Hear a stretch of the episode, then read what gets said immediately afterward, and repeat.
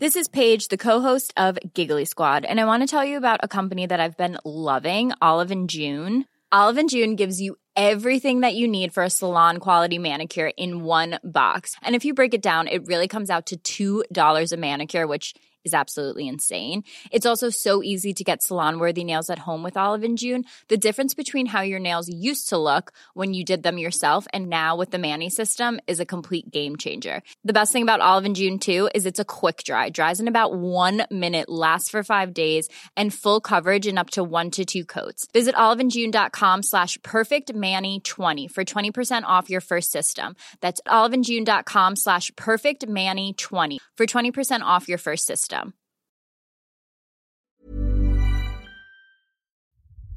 When people are happy with risk and embrace risk, then by definition, uh, prices go high.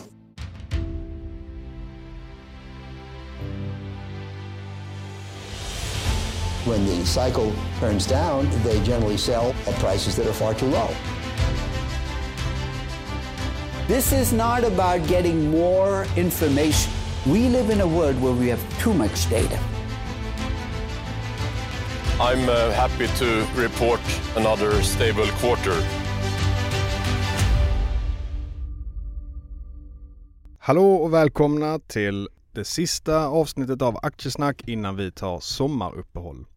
Idag har vi Micke Syding med oss i podden.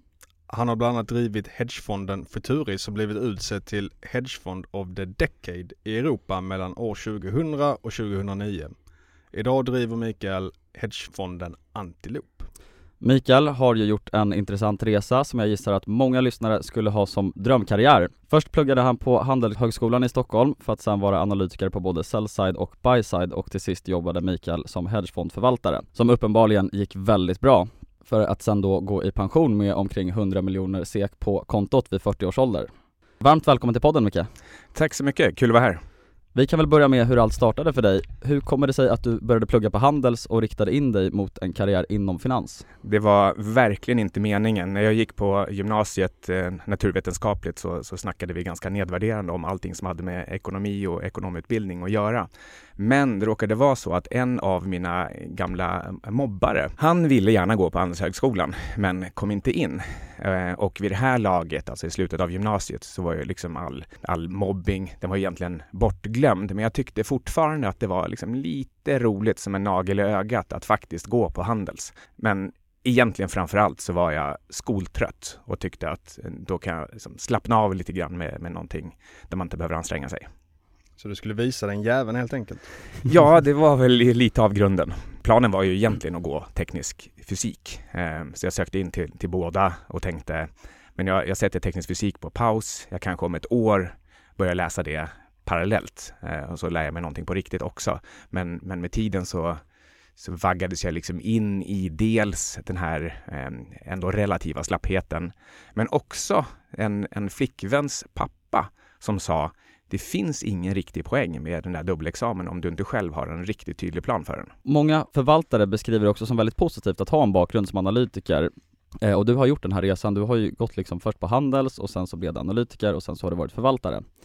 Så berätta lite vad de här yrkesrollerna har gjort liksom med ditt tänkande och hur det har format dig som investerare till idag? Mm, man kan väl börja med att säga att de färdigheter som en analytiker eh, verkligen har nytta av men som blir lite mer sekundära som förvaltare sen. Eh, de, de färdigheterna, de eh, tillgodogjorde jag mig egentligen mellan 10 och eh, 20 års ålder. Eh, då ägnade jag hela dagarna åt att eh, koda på min lilla hemdator och sen blev det en, en annan dator med tiden. Men det började med en, en ZX Spectrum 48K. Och det jag lärde mig av, av att sitta ensam som tioåring och, och koda, det var till exempel eh, disciplin och, och noggrannhet, uthållighet, fokus. Så ni kan ändå liksom föreställa sig, man, man sitter som, som tioåring 1982 och på ett främmande språk, engelskan kommer liksom inte helt eh, av sig själv som tioåring, så ska man eh, grotta ner sig i programkod och buggletande utan att ha någon vuxen att, att, att fråga egentligen. Dessutom med det här så kom också ett, eh, jag ska säga ett tvång att förstå både algebra och, och logik, abstrakt tänkande och sen också tänka i termer av att, att, liksom, att man, man simulerar någon slags verklighet.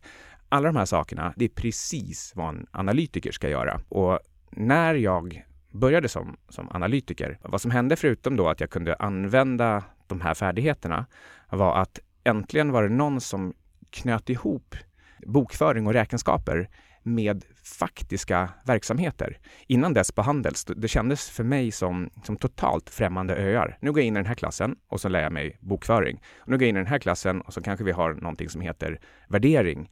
Och, och sen var det någon annan liksom, typ av utbildning som möjligen liksom, hade lite grann med verksamhetsanalys att göra. Men egentligen oerhört lite. Alltså man, man skulle kunna tro att man skulle förstå hur, man, hur företag fungerar, mm. men, men i alla fall inte när jag läste på Handels 90 94.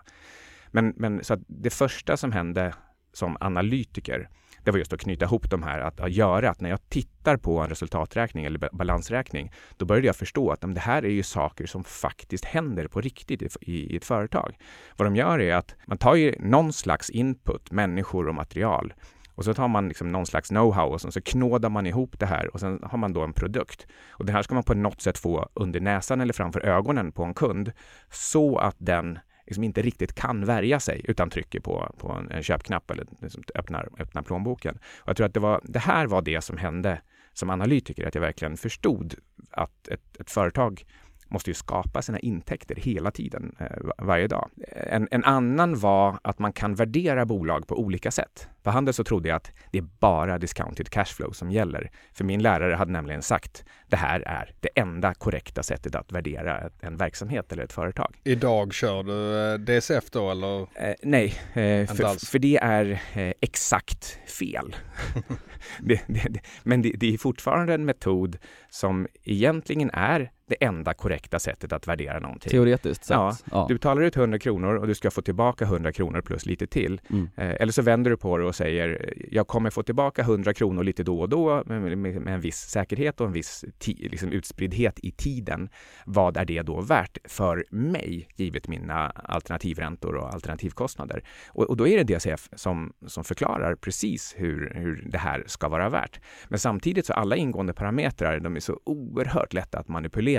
Så, så, så därför så blir det, eh, det blir bara helt enkelt eh, exakt fel. Och problemet är mycket också att det är väldigt långt fram i tiden som vissa parametrar avgör väldigt mycket.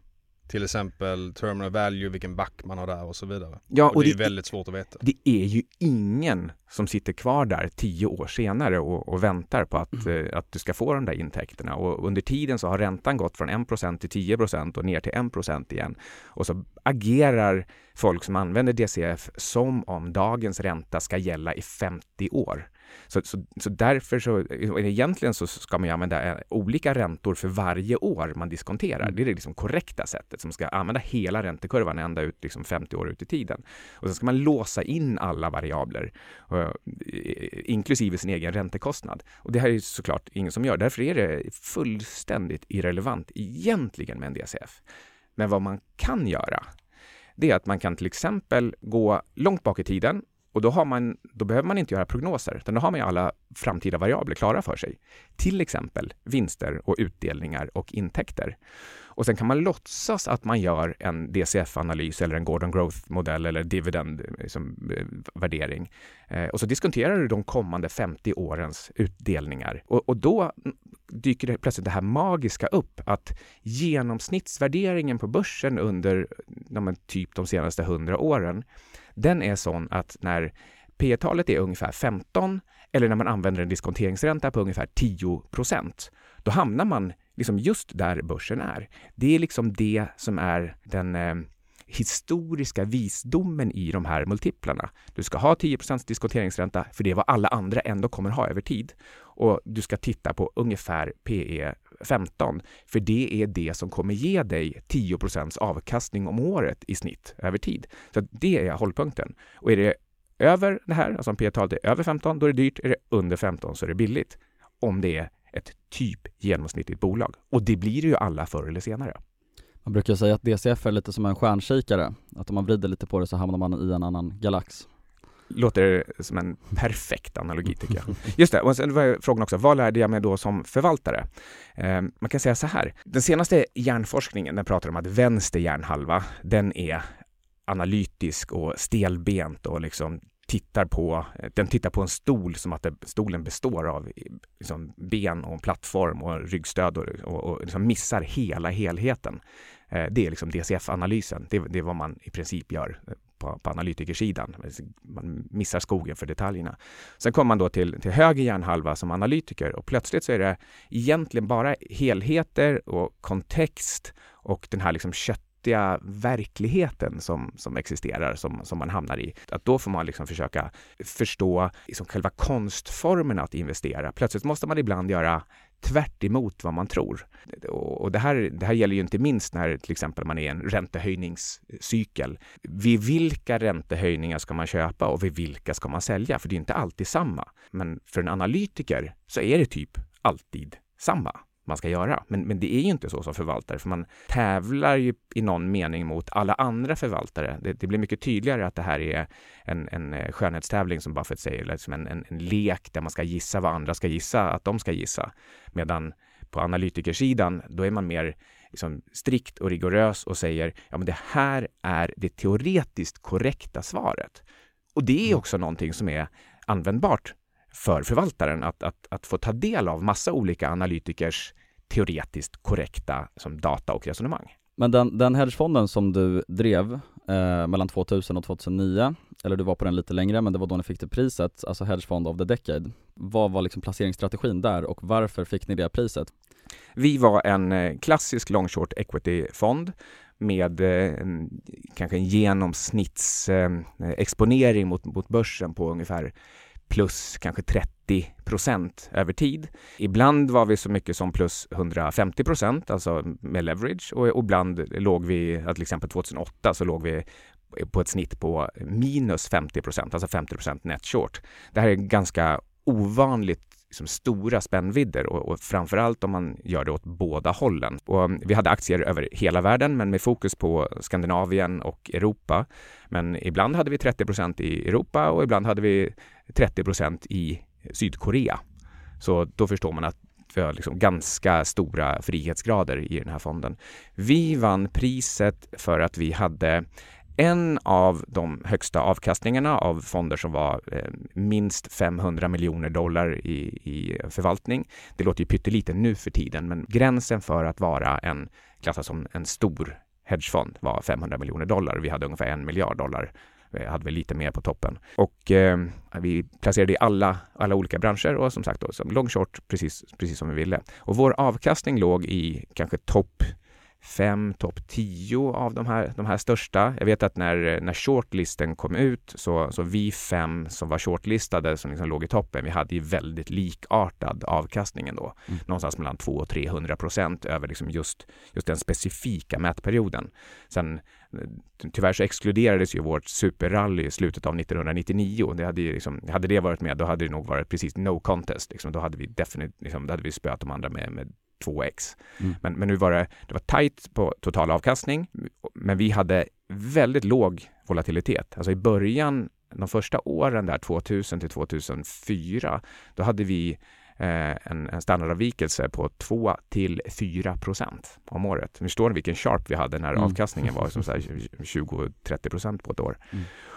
Och och ehm, eh, dessutom, det som fick oss att vinna över kanske framför allt Nektar, som också var shortlistade. De hade också en fantastisk avkastning och låg volatilitet. Det var någon annan nyckeltal som Kent Janér brukade lyfta fram, att, liksom att det, här, det här är ju liksom gold standard på något sätt. Eh, men de hade ett minusår och vi hade noll minusår av de här tio. Och det tror jag liksom fick juryn att i slutändan tycka, om inte det är hedge, vad är då hedge? Mm. Du uttryckte ju tidigare lite kritik mot DCFen. Så hur värderar du aktier idag och hur gjorde du det på Futuris? Ja, alltså på, på Futuris så fortsatte jag nog ändå liksom ganska mycket med stora DCF-modeller, alltså så här klassisk sell-side analysmodeller med hundratals eh, rader där man bryter, bryter ner varenda eh, resultat. Alltså, så här gör man i grund och botten. Man tar resultaträkning och som varje rad i den, till exempel intäkterna, så bryter man upp den i dess komponenter, alltså hur många enheter och vilken, vilket snittpris per enhet. Och sen bryter man upp det i sin tur i olika produkter. Alltså, pratar vi om Apple, då blir det liksom, du har en iPad och du har en, te en telefon och du har en dator och du har olika modeller av dem, så du kan bryta upp det här hur långt som helst. I slutändan så får du ju liksom då det här kassaflödet och jag gjorde diskonterade kassaflödesanalyser. Men framför allt så, så lärde jag mig att, att vända på den diskonterade kassaflödesanalysen och se att givet mina prognoser, givet andras prognoser och givet vad, vad det är för, för börskurs just nu, vad har då marknaden implicit för avkastningskrav. Och vad med mina prognoser och, och samma variabler eh, blir det för teoretisk avkastning per år för det här bolaget, liksom, givet att man liksom spolar fram hela, hela processen en, en tre, fyra år. Så jag använde ju någon slags DCF, men jag manipulerade den fram och tillbaka snarare än att försöka räkna ut ett exakt värde just idag. Mm. Eh, men, men successivt så gled jag över till att, att inse att men, det är ju inte så här jag själv egentligen tänker. Och jag noterade också hur sellside-analytikerna mer och mer, liksom, när de skulle förklara varför de hade en riktkurs egentligen, så, så sa de att ja, men eftersom den här har handlats till P 20 till 27 de senaste fem åren, så tror vi att det, det kommer de göra fortsatt. Sen var inte de så eh, de hedrade inte intervallet så mycket utan de sa eftersom det handlas P 20 till 27 senaste fem åren så tror vi att den kommer eh, vara värd P 28 Ehm, det var liksom mer, mer klassiskt då, för den kommer alltid vara lite mer värd än, än top-end av, av det senaste intervallet. Så, så jag, jag gled över mer och mer då till att titta på och triangulera mellan ett antal olika multiplar. Gärna då EV sales, EV-ebit, alltså egentligen då hela bolagsvärdet relaterat till rörelseresultatet. Vad man gör då är att man, man slipper problemen med, med, med skulderna. Eh, ett annat sätt att uttrycka det eh, är att man egentligen tar hänsyn till skulderna, mm. men, men bara på ett annat sätt. Och vad jag ville, det var att se att eh, de här, de här variablerna och särskilt med någon typ av riktkurs som jag hade i, i åtanke inte skulle avvika mycket från hur de brukade göra. Eh, och sen ovanpå det så har jag också alltid en, eh, en, en slags ankare i form av en, en, eh, en teoretisk okej okay absolutvärdering. Och då kommer vi tillbaka till det där som jag sa inledningsvis att PE 15 eller motsvarigheten för EV sales eller EV ebit, det är ju bara liksom manipulera runt variablerna. Det är vad som är en standardvärdering. Om det ska avvika mycket från det i ens prognoser, då måste man ha väldigt goda skäl. Och det är där verksamhetsanalysen kommer in. Du gick ju i pension efter Futuris när du var 40 år och sen så hade du lite paus och gjorde någonting annat och sen startade du en annan hedgefond som heter Antilop som du driver idag. Hur är den strukturerad? Vi är fyra förvaltare. Internt i fonden så har vi åtta olika strategier. Men utifrån sett, oavsett om du är vår custodian eller Finansinspektionen eller en kund, så ser du bara en fond. Och vad den här fonden då innehåller, det är alla typer av tillgångsklasser. Alltså det är jordbruksråvaror, kaffe, socker, vete, det är aktier, det är valutor, det är räntor. Det är egentligen allting utom direktägda fastigheter. Så, så vi, hela liksom, spannet av eh, tillgångsklasser. Vi har eh, hela spannet av eh, ska säga, beslutstyper, alltså från diskretionär till exempel fundamental förvaltning där man tar liksom, det är en människa som tar besluten till algoritmstyrd handel där eh, framförallt då Martin Sandqvist han har en massa modeller som, som ger honom förslag på så här, så här borde du det här, det här är liksom mina eh, modellens bästa tips nu och så lägger han sista handen vid det innan, innan affären görs. Så den är inte helt automatiserad, men i princip så har vi hela det spektrumet också. Um, vi har även en, en, en, del affärer de görs med liksom, månader eller års eh, beslutshorisont och en del affärer görs med bara minuters till timmars eh, beslutshorisont. Så vi kombinerar helt enkelt ihop så, så många olika varianter av investeringar vi kan komma på så länge de är okorrelerade och marknadsneutrala. Så till exempel den strategi som jag förvaltar, som är en av, en av åtta, den heter Long Short Equity eh, Fundamental eh, och den är market neutral. Då har jag lika många longs som shorts. Har Ja. du ditt eh, privata kapital i Antilop? Eh, nej, det har jag inte. Okej. Eh, anledningen är att eh, jag är fullinvesterad i, i annat helt Mm, enkelt. Det är en mm. massa onoterat som är likvitt. Eh, jag har i och för sig en liten portfölj som, som Anna Svan förvaltar åt mig och, och den skulle väl egentligen kunna bara avvecklas och, och, och stoppas in i Antilop. Men då är det så att vi av, av olika skäl så har vi inte, så håller vi igen på antalet kunder fram till nästa år. Vilka är största positionerna som ni har i fonden idag? Det är då flera hundra positioner i, i fonden och jag har ju liksom bara i min strategi har jag eh, oftast ungefär 42 eh, positioner. Så eh, min största position det är Agnico Eagle Mines just nu. Den utgör 0,25 procent av hela Antilops portfölj.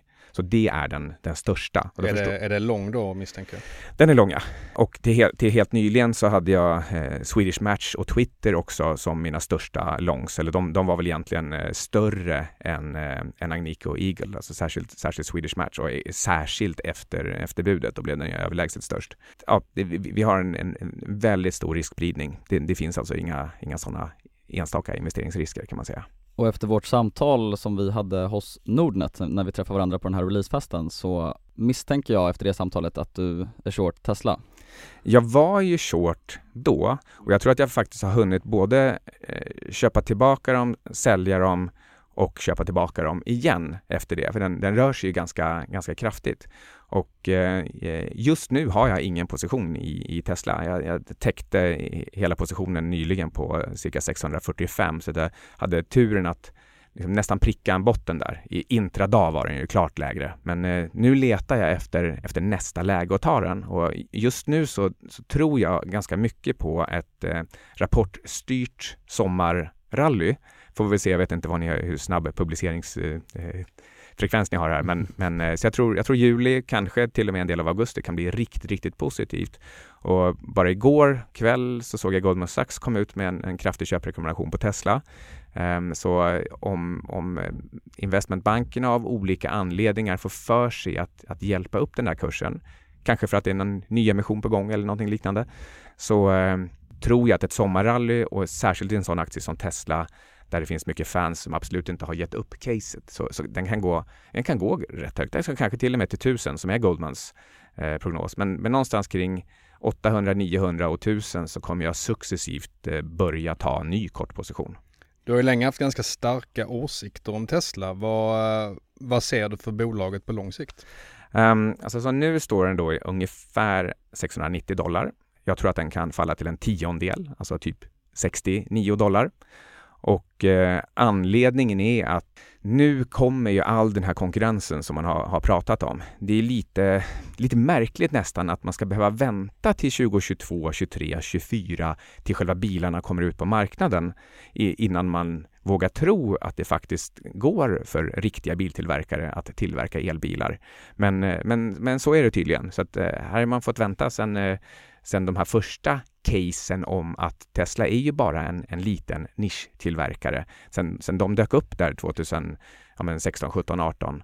Men, men nu, nu kommer ju allt det här eh, på riktigt. Plus att det är massa andra saker som kommer i fatt Tesla med dålig produktionskvalitet. De, de tar, tar mycket genvägar med både material och eh, sättet som de skruvar ihop i, skruvar ihop eh, bilarna i, i tält istället för riktiga fabriker. Så, så det jag ser framför mig det är Ja, alltså bolaget kan mycket väl växa antalet bilar från eh, liksom, nuvarande cirka en miljon bilar till kanske ett, ett par, par tre miljoner bilar per år. Och omsättningen då kanske liksom också kan, kan dubblas, tripplas härifrån på faktiskt bara några år. Och det, det här är ju då Eh, jag ansluter mig ungefär till marknadens eh, genomsnittsprognoser. Det, det, det, tror jag absolut kan hända. Men däremot så har jag svårt att tro att de ska kunna upprätthålla den här artificiellt höga marginalen som de har nu. Och den har ju då varit hög för att de har haft subventionerade fabriker när de etablerar sig någonstans och även när de sen bryter mot villkoren för subventionerna som kan liksom uppgå till en miljard dollar för en enstaka fabrik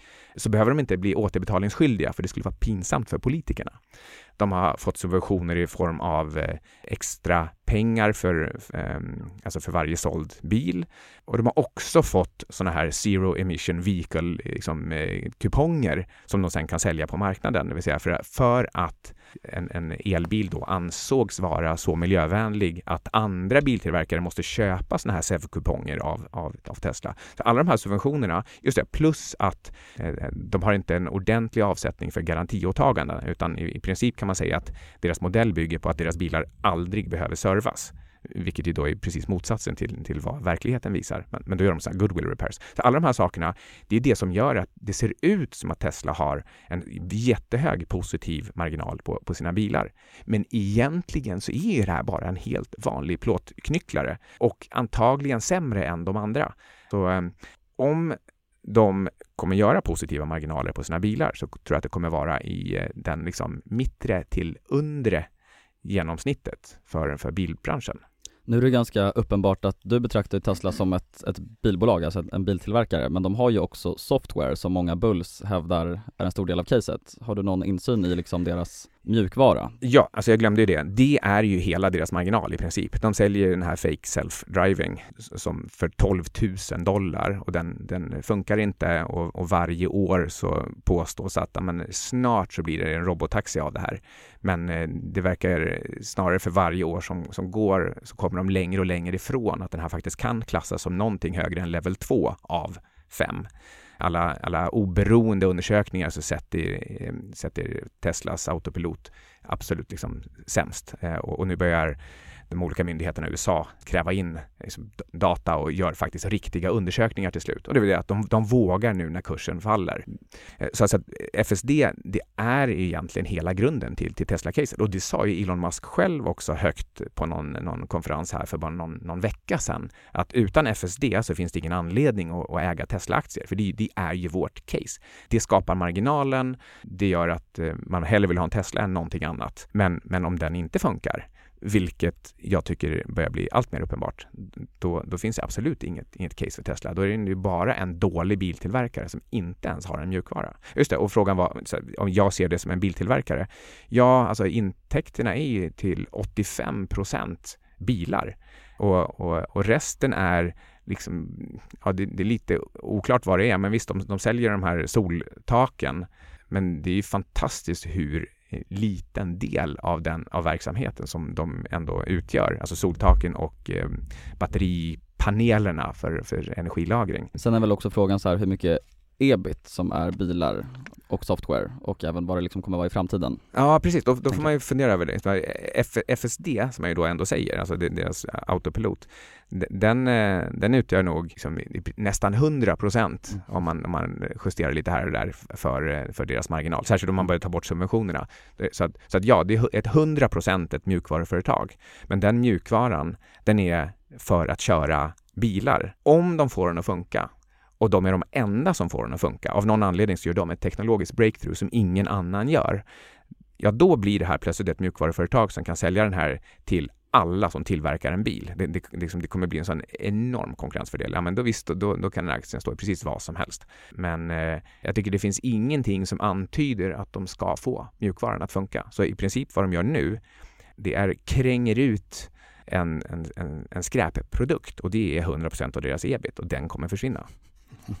Har inte till och med Elon varit ute och pratat lite negativt om deras möjligheter att eh, få det här FSD att funka i närtid? Jo, alltså det är fantastiskt hur han lyckas på produkt efter produkt när han, han lanserar dem och så säger folk, ja men det här är jättesvårt att tillverka. Och han bara, nej, nej, nej, nej det ordnar sig. Vi slänger ut den och så betatestas den och sen får vi miljarders, miljarders datapunkter. Och sen fem år senare, eller när han liksom har, har ljugit sig blå om det här i fem år, så säger han, vet ni, det är vansinnigt svårt att få det här att funka. Det är ungefär som när, när Jay Powell igår sa vi har lärt oss nu att eh, det där med inflation, det, det är knepigare än vi trodde. Och ett sätt att diversifiera sina investeringar är att investera i vin. Och det kan man göra genom Rare Wine Invest. Rare Wine Invest hjälper dig att bygga en stark vinportfölj med exklusiva viner från framförallt då champagne och delar av Italien och till viss del också den nya vinvärlden i Napa Valley och de jobbar med ungefär 0,1% av allt vin som produceras runt om i världen då de anser att just de här vinerna har en stark investeringspotential då tillgången allt som oftast är liten men efterfrågan är väldigt hög. Och en viktig aspekt när man investerar i vin, det är att inte ha bråttom. Eh, har man en tilltänkt tidshorisont på sex månader, då är nog inte vin rätt att investera i. Utan det här är någonting som man borde ha i minst fem år och tänka på den långsiktiga biten. Så Where Wine Invest hjälper till med allt från rådgivning, val av viner till din portfölj, lagring samt försäljning av portföljen också. En annan sak som är intressant med vin är att vin oftast har en konstant produktion, vilket innebär att en producent inte helt plötsligt bara kan bestämma sig att dubbla sin produktion till nästa år och ändå behålla samma kvalitet. Då efterfrågan för exklusiva viner ökar varje år, där man framför allt då ser ett större köpsug från Asien och i Kina, så gör det här att priserna skjuter i höjden. Så att det är ekonomisk teori bakom det här, alltså utbud och efterfrågan. Och vin konsumeras kontinuerligt och försvinner då från marknaden samtidigt som vinet bara blir bättre och bättre med några års lagring. Så det är andra faktorer till att efterfrågan ökar och således också att värdet ökar. Och en stark fördel för Rare Wine Invest är att de tillhandahåller det enda tullfria lagret inom EU där privatpersoner samt bolag kan lagra sina vin och sprit helt utan att betala moms eller punktskatter. Så vill man lära sig mer om hur och varför vin är en bra investering, då kan man ladda ner Rare Wine Invests investeringsguide på rarewineinvest.se. Och där finns även kontaktuppgifter till det svenska kontoret om man vill komma i kontakt med någon av deras rådgivare. Vi säger stort tack till dagens sponsor Rare Wine Invest. Ja men om vi, om vi backar lite till när du började på 90-talet, hur har liksom branschen förändrats tycker du? Ser du några skillnader idag mot hur det var för 25 år sedan? Mm. Nu, nu finns det ju massor med data tillgängligt. Ingen kan skylla på att de inte kan göra en analys för att de inte kommer åt företagen. Dessutom har vi det här med fair disclosure, alltså företagen får ju inte hålla på och, och smygmassera Eh, analytiker med, med data, utan nu, nu finns mycket större möjligheter att göra en sana, seriös analys om man vill. Det här betyder att de som är noggranna och de som på riktigt försöker tänka ut hur får jag tillbaka mina pengar, när och av vem, när man, när man köper ett bolag, de kan göra det. Så de, de noggranna, de blir noggrannare och har möjlighet att göra det väldigt, väldigt billigt, vilket inte minst ni har visat. Och de som är liksom slarviga och, och slappa, de har blivit ännu liksom sämre på marknaden. Det finns, det finns ännu fler Robin Hoodare som, som tror att, att det där med memes, det är det som är marknaden. De tänker inte ens att det finns ett företag bakom den där ticken, utan allting, alltså alla, alla shitcoins och alla bolag, bara man kan namnet och, och, och lite grann kollar hur, hur, kursen går så tror man att man, att man har gjort en analys. Eh, och, och det förstärks också av hur enkelt det är att få tillgång till olika typer av tekniska analysverktyg, eller i alla fall olika sätt att dra, dra linjer i en graf. Och, och de där linjerna, de är inte sanna, men vårt mönsterseende får oss att tro att, att de är sanna. Så mycket, mycket större möjligheter, men det har också gjort många, många fler eh, till, till klantskallar på marknaden. Sen är det väl också så att handeln har ju blivit avsevärt mer lättillgänglig också. Det vill säga att man har liksom mäklaren i sin ficka. Det gör väl också så att liksom många kommer in på marknaden som kanske inte bör vara där också. Till Ja. exempel Robin Hood är ett jättebra case på det. Ja, ja de är ju liksom 20 miljoner personer som, och de flesta ska nog inte vara där. Och, och de har dessutom liksom köpt Robin Hood-aktier. Med have.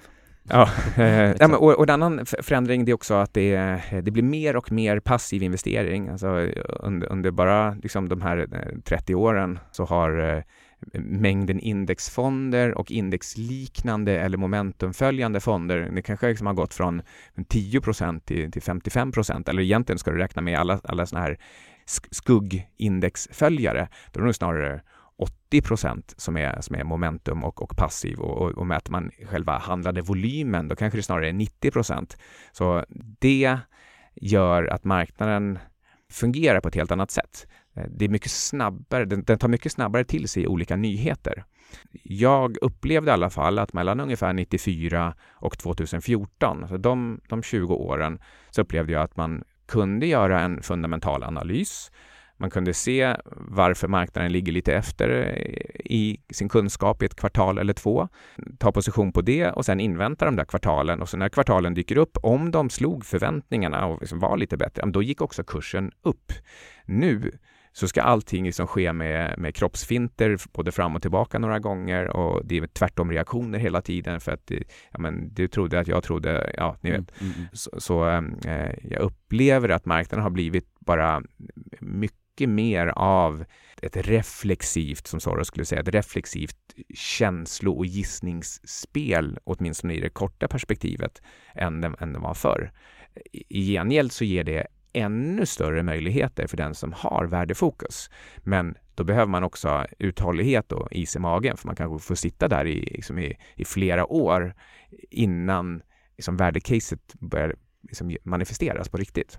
Tror du det har att göra med att det finns mer tillgänglig lätt information exempelvis online som är väldigt kortsiktig så att man kan kolla på mer kort fakta och därför tappar man lite den här längre värdeperspektivet? Ja, det, det är nog så. Men, men eh, man, man kryper successivt in närmare och närmare och, och tittar på det där trädet och, och, man liksom, till slut så ser man ju bara barken och myrorna och, och man, man, fokuserar på någonting helt annat än vad som egentligen styr värdet. Och det är skogen som är, som är där runt omkring. Så det här är verkligen ett klassiskt exempel på hur man kan inte se både den stora och den, den pyttelilla bilden samtidigt.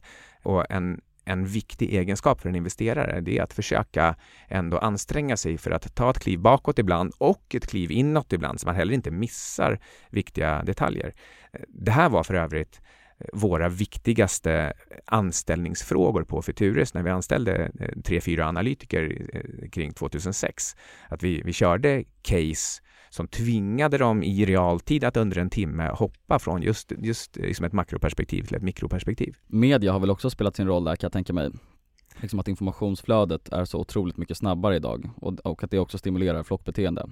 Ja, jag eh, ska förekomma mig själv här nu med att säga att jag menar inte på något sätt att säga att det var bättre förr. Det är snarare att det är bättre nu på alla sätt. Alla punkter i, i allt är, är bättre nu än, än förr, både vad gäller marknaden och världen och livet och sådär. Men när det gäller just media så, så tror jag att när man tog klivet från papper till online då kunde man mäta klicks och klicks blev det viktiga och klicks säljer annonser på ett, på ett liksom mycket förutsägbart sätt. Och därför så är ju bara uppmärksamhet värd någonting, inte sanningen. Det är inget problem så länge man vet om det och, och eh, kan anpassa sig till det, men, men man ska också veta om det. Vilka sektorer tycker du ser mest intressanta ut på marknaden idag? Eh, alltså mycket har att göra med den här omställningen till eh, fossilfri framtid som, som eh, ja, det är väl, det är väl liksom lite oklart exakt hur, hur det ser ut med miljön, men, men jag tror ändå att Eh, hjulen är satta i rullning. Oavsett om, om det har med miljön eller inte att göra så behöver vi spara den olja och naturgas till exempel som finns. Vi behöver spara den till någonting, till det vi verkligen behöver den till och det kan ju vara mat eller plast eller någonting sånt. Så det är onödigt att bränna upp den här liksom begränsade resursen bara för att få el och värme.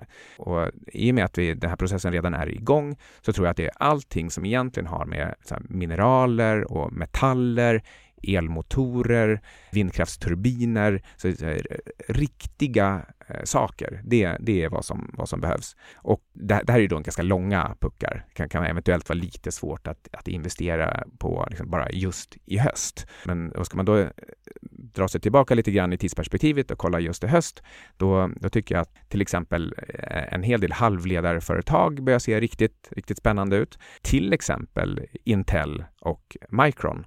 Där är väl liksom Micron och, och kanske Applied Materials, som är liksom mer liksom nedtryckta i skorna. Det det är inte riktigt Intel. Men, men däremot om man tittar på liksom värderingsmultiplarna så som de ligger i marknaden nu, då pratar vi alltså att den här är värderade till 5, 6, 7 gånger vinsten företagen. Alltså Intel är någonstans där, liksom, kanske, kanske 10 i och för sig. Men vad som finns hos Intel, det är en, en positiv skevhet i, i, som är framtiden, där tänk om Kina tar Taiwan och, och därmed får TSMC en helt annan typ av framtid. Ja, men då behöver västvärldens halvledarsektor, den behöver utvecklas och Intel är en av de få som, som kan ta över här. Och jag tror också att det är det som ligger bakom till exempel Alphabet och Apples satsningar inom, inom halvledare. Att de, de förstår att vi, vi kan inte vara beroende av Asien, för, för Asien är på väg åt, åt fel håll för deras räkning. Och Intel har ganska nyligen offentliggjort sitt program för kontraktstillverkning vilket innebär att de till slut tar det där steget som, som TSMC tog och därför kunde springa om Intel.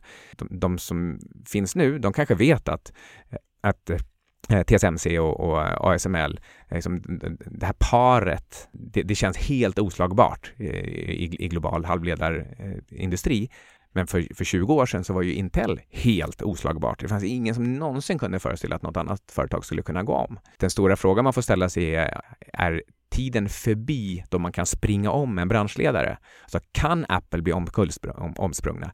Kan TSMC bli det? Kan, säga, vilka företag ni än har i absoluta toppen, kan de bli det nu?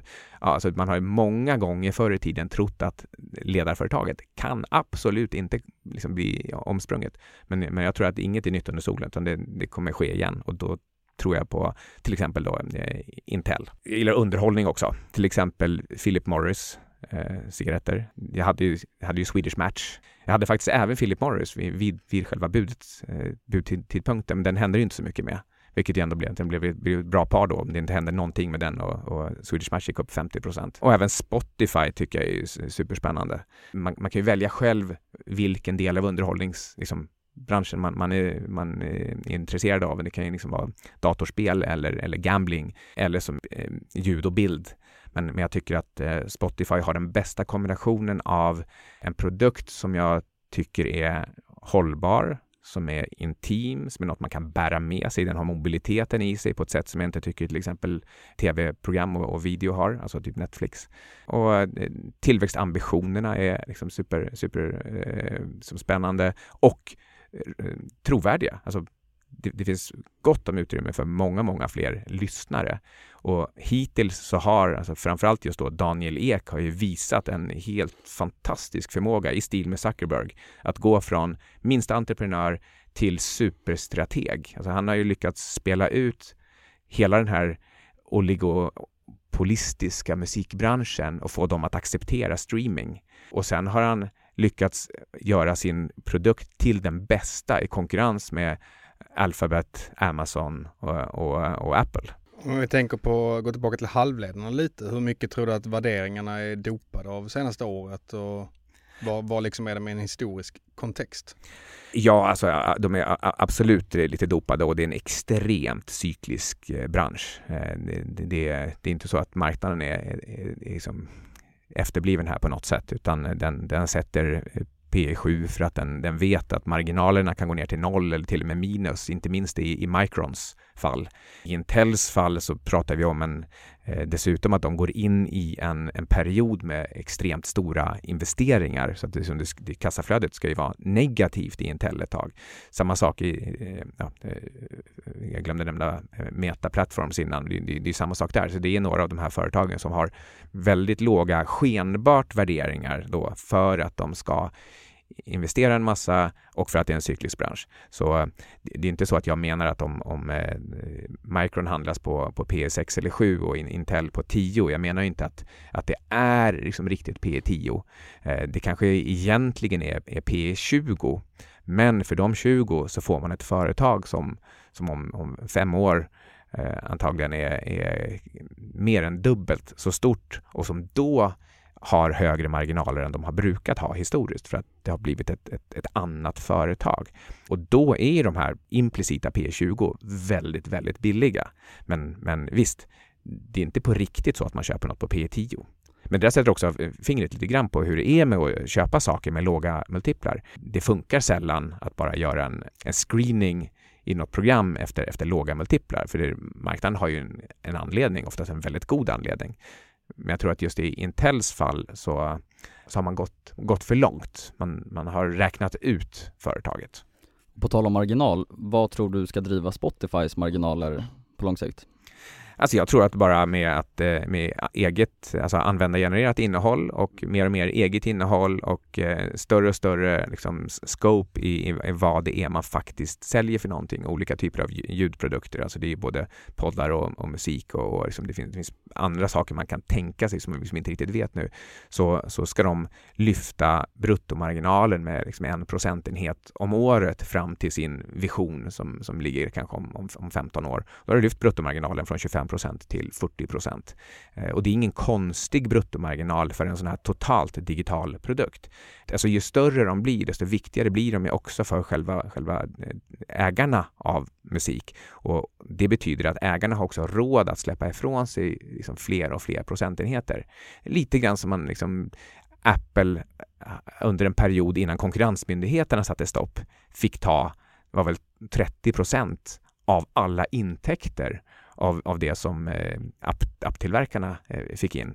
Och det är ju det är ren vinstmarginal, eller inte ens vinstmarginal, det är 100 procent vinst på de 30 procenten. Mm. Så, så eh, jag, jag ser inte det som, som någon särskilt stor stretch att, att ta sig till 40 procent bruttomarginal för en digital produkt när man är världsledare. Du har ju ofta haft ganska stark åsikt om centralbanker och inflation och ränta också. Hur är din eh, syn där nu? Ja, alltså de, har ju, de lyckas ju vara eh, som sämst när det gäller och, och sämst även när det inte gäller. Så varför tog man en, en marknad med höga skulder och vissa tendenser till överhettning, eh, åtminstone liksom skugginflationsmått som redan liksom sprang i taket på massa olika håll. Och så stimulerar man extra hårt samtidigt som man liksom genomför den här covid-nedstängningen så att man, man saboterar liksom effektiviteten i själva maskineriet, det globala maskineriet. Det är så dumt och så onödigt så man, man bara hoppas hoppas att de egentligen har någon liksom stor masterplan där någonstans i bakgrunden. Men jag tror ju verkligen inte det. Särskilt inte efter att ha läst boken Fed Up av, eh, av Booth, med, vet inte, Michel Martino Booth, någonting sånt där. Eh, som, som, visar hur de faktiskt tänker och resonerar in, inne i, i centralbankerna. Så, ja, så, så, så, dels gör man det, man verkligen lägger upp bollen som en smash för att det ska bli riktigt, riktigt mycket inflation och, och problem. Och då, precis när, när världen är, tappar lite tempo på väg in i recession, ja, men då, då höjer man räntorna istället. Det, det är en väldigt märklig mismatch och, och samtidigt så står eh, väldigt kompetenta, erfarna makroekonomer och förvaltare och har stått vid sidan hela tiden och sagt, men gör inte så här, gör tvärtom. Så nej, centralbankerna får, eh, för varje år som går så får de ännu lite lägre betyg av mig. Med allt detta sagt så tycker jag att även, även om det här är, Eh, känns som osedvanligt dålig timing så, eh, så är det helt rätt att försöka höja räntorna, styrräntorna i alla västekonomier till ungefär 4 procent. Eh, och sen, och sen får man ta smällen av vad, vad det leder till. Tyvärr så blir smällen mycket större nu än om man hade gjort det för ett år sedan eller för två eller för tre. Eller för, det hade varit bättre ju tidigare du gjorde det och egentligen helst skulle du bara lagt dem på 4% och sen liksom lagt det i grundlagen och sen steppat undan och låtit marknaden ta hand om, om lånekostnader. Jag har ju sett att du gillat eh, Ray Dalius take på det här heller också. Vad, vad är det där du tycker är bra? Eh, vad han sätter fingret på, det är den här liksom ständiga dikotomin med är det annorlunda nu eller är allting alltid samma? Och svaret är, det är ju både och. Allting är alltid samma, men det gäller att hitta rätt perspektiv. Och just nu så säger Ray Dalio, världen utvecklas i ungefär hundraåriga perioder. Det är inte riktigt vad han säger, men, men det blir också, det blir ändå lite grann den praktiska konsekvensen av hans analys av långa cykler där stormakter tar över efter varandra. Eh, och när de tar över efter varandra, då kommer man in i nya paradigm där det gäller nya valutor, nya handelssätt, ny, ny politisk ordning, ny frihet och öppenhet. Eh, och, och, just nu så ser det ut som att USA är på väg att tappa sin topposition och Kina är på väg upp och då, då liksom när, de, när de blir tillräckligt lika då, då, då kommer det leda till någon slags liksom, större konflikt. Där passar jag också in i fourth turning teoribygget men den, den, den bygger på liksom helt andra variabler av bara den mänskliga naturen. Och, och då kan man på ett sätt säga det är som det alltid har varit. Det går bra i hundra år och sen kommer en konflikt och sen eh, ny världsordning och så, går, liksom, så blir det likadant igen. De nästa hundra år blir som de förra hundra åren och så här har, det liksom alltid sett ut. Men ett annat sätt att se det på, det är att men alla vi som har levt nu, vi har levt i ett paradigm Eh, möjligen kanske uppdelat i, i, två delar. Alltså först efterkrigstiden fram till kalla kriget tog slut eh, 89 och sen har vi levt i den här liksom underbara liksom Goldilocks globaliseringseran liksom, från 1990 och, och, och framåt. Den tar nu slut. Det är åtminstone mycket, mycket sannolikt och vi har redan sett liksom, de här förskalven i form av finanskrisen 2008, sättet som centralbankerna reagerar på med liksom allt mer desperata åtgärder och även politikerna med, med bröd och skådespel för folket och universal basic income. Vi har sett det i form av olika typer av, av upplopp och demonstrationer, alltså dels den här eh, Reclaim the Street eller Occupy Wall Street, också där kring 2008 eh, såg de här George Floyd-kravallerna. Så det, det, det, kokar i världen av missnöje med förmögenhetsklyftorna. Eh, och nu har vi nog nått så långt, eh, och det är det här Ray Dalio då också säger, att när man börjar se penningtryckande och, och helikopterpengar som svar på att inflationen gröper ur ekonomin för, för de fattigaste, ja, men då har man liksom passerat förbi krönet när, det, när, det, när systemet håller ihop. Så, så, på så sätt så, så gillar jag att han säger allt, allting är alltid som det, allt, som det brukar vara. Det vill säga, nu är det dags för någon typ av revolution och det blir skatt eller slagsmål. Så du tror det kommer bli lite värre innan det blir bättre igen? Ja, resten av 20-talet så tror jag att det kommer hända väldigt mycket spännande saker. Det kommer vara stora relativrörelser som gör att man får stora möjligheter att eh, både bli rik och fattig. Navigerar man rätt under 20-talet, eh, liksom fram till cirka 2030 när Kina invaderar Taiwan, då, då kan, eh, kan det här bli helt fantastiskt för dem som eh, orkar och vågar. Om du får nämna en egenskap som du tror är extra viktig när det kommer till att nå framgång på börsen, vilken skulle det vara? att vara prestigelös och lära sig nytt hela tiden. Ja, men eh, med de orden får vi börja runda av den här intervjun. Det har varit mycket intressant att prata med dig Micke. Mycket intressanta takes om Tesla, semiconductors, inflationen och räntan och jag, jag håller med mycket om vad du säger. Uh, politiken just nu är ju ganska märklig och har stora möjligheter att leda till konflikter och sämre tider. Så att uh, det är spännande tider framöver det gäller verkligen att tänka innan man investerar och eh, stort tack till alla lyssnare för idag.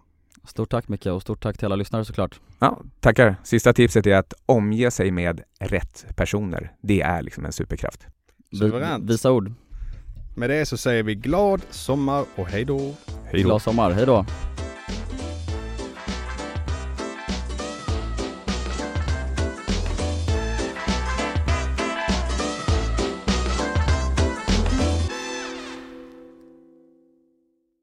Inget som har sagts i den här podden är rådgivning eller rekommendationer. Eventuella sponsorer tar inget ansvar för det som sägs i podden. Gör alltid din egen analys och alla aktier är förknippade med risk. Mom deserves the best and there's no better place to shop for Mother's Day than Whole Foods Market. They're your destination for unbeatable savings, from premium gifts to show-stopping flowers and irresistible desserts. Start by saving 33% with Prime on all body care and candles. Then get a 15-stem bunch of tulips for just $9.99 each with Prime. Round out Mom's menu with festive rosé, irresistible berry chantilly cake, and more special treats. Come celebrate Mother's Day at Whole Foods Market.